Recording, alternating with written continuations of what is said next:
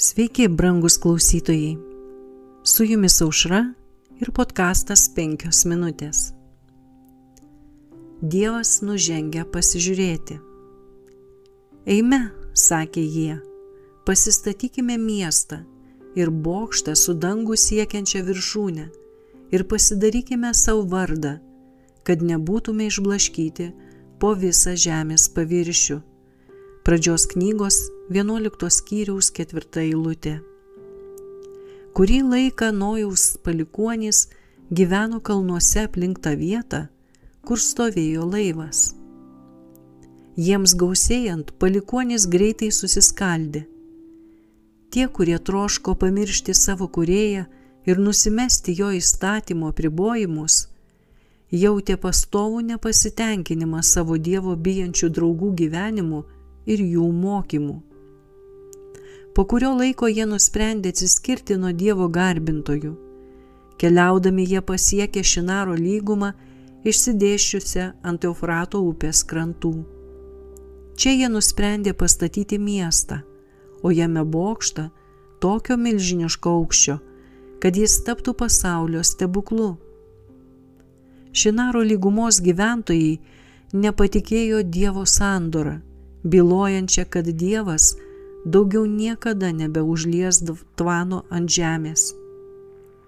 Daugelis iš jų neigė Dievo egzistavimą, o tvaną aiškino kaip natūralių priežasčių veikimą.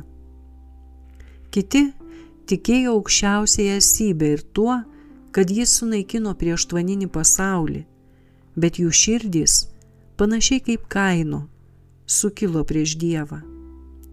Viena iš bokšto statymo priežasčių buvo užsitikrinti saugumą, jei dar kartą užklups potvinis. Jie galvojo pasistatę tokį statinį, kurio nepajėgtų apsemti tvano vandenys, išvengti bet kokio pavojaus. Jie tikėjosi išsigelbėti nuo tvano, jei bokštas pasiektų debesis. Brangus klausytojai, Tokių bokštų statytojų yra ir mūsų dienomis. Netikintieji konstatuoja savo teoriją, remdamiesi taip vadinamomis mokslo išvadomis ir atmesdami aišku Dievo žodį. Tariamai krikščioniškame pasaulyje daugelis nusisuka nuo aiškaus Biblijos mokymo ir kuria savo įsitikinimus ant žmogiškų išvedžiojimų bei rodo į savo bokštą kaip būdą pasiekti dangų.